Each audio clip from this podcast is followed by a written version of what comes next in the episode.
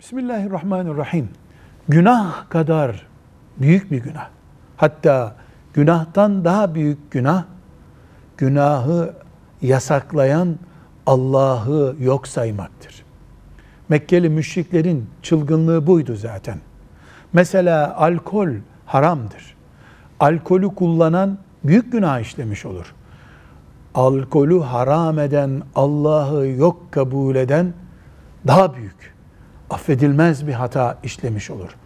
Bir haramı işlerken aklımıza onun haram olduğu geldiği halde onu işliyorsak eğer yani dalgınlığımız, gafletimiz, şehvetimize mağlup olmamızdansa bu bu o haramın sınırlarıyla kalır.